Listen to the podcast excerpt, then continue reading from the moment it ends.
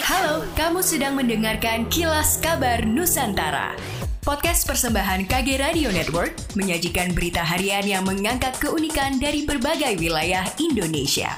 Kilas Kabar Nusantara dapat juga didukung oleh pengiklan loh.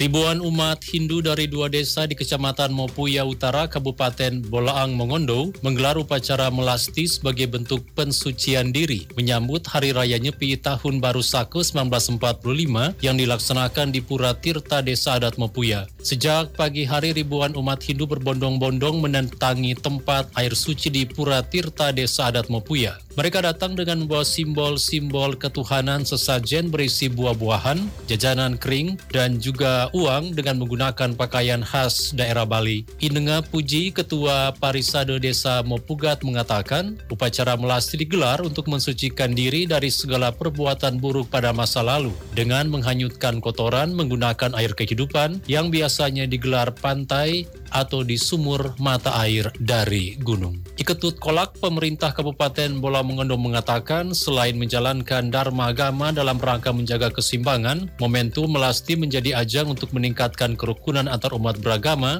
juga meningkatkan kerukunan antar sesama. Sebagaimana tema yang diangkat, melalui Dharma negara dan Dharma agama kita sukseskan demokrasi. Pemerintah melalui Badan Pangan Nasional Bapanas mengumumkan harga eceran tertinggi HET komoditas beras pada Rabu 15 Maret 2023 lalu. Ada tiga zona dengan HET berbeda-beda. Zona 1 meliputi Lampung, Sumatera Selatan, Bali, NTB, dan Sulawesi. Sedangkan zona 2 meliputi Sumatera, NTT, dan Kalimantan. Adapun zona 3 meliputi Maluku dan Papua. Dengan demikian wilayah Sulawesi Selatan masuk dalam zona 1.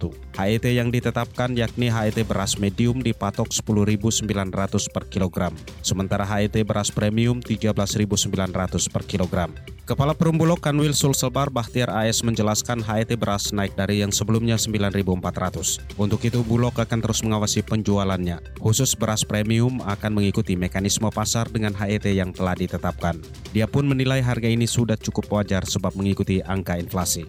Sementara itu PLT Kepala Dinas Ketahanan Pangan Provinsi Sulawesi Selatan Kemal Redindo Putra Sahrul menilai kenaikan harga pembelian pemerintah HPP untuk gabah, beras, dan HET beras menjadi salah satu langkah dalam memenuhi ketersediaan. Pengawasannya pun harus lebih diperketat. Menurutnya kenaikan ini menjadi upaya dari kerja pemerintah dalam mengisi kebutuhan stok Bulog. Dengan menaikkan harga ini maka petani diharapkan bisa langsung menjual berasnya ke Bulog. Stadion Manahan Solo akan segera dilakukan tahap akhir dari FIFA pada Sabtu 23 Maret 2023 mendatang. Progres terus dilakukan berbagai pihak untuk menjadikan Stadion Manahan Solo benar-benar siap menggelar event besar Piala Dunia U20. FIFA juga memiliki pesan khusus untuk inspeksi akhir mereka, karena mereka akan memfokuskan detail semuanya, mulai dari ruangan sampai ke rumput. Fasilitas pendamping semua akan difokuskan kepada pihak FIFA. Demikianlah kilas kabar Nusantara pagi ini.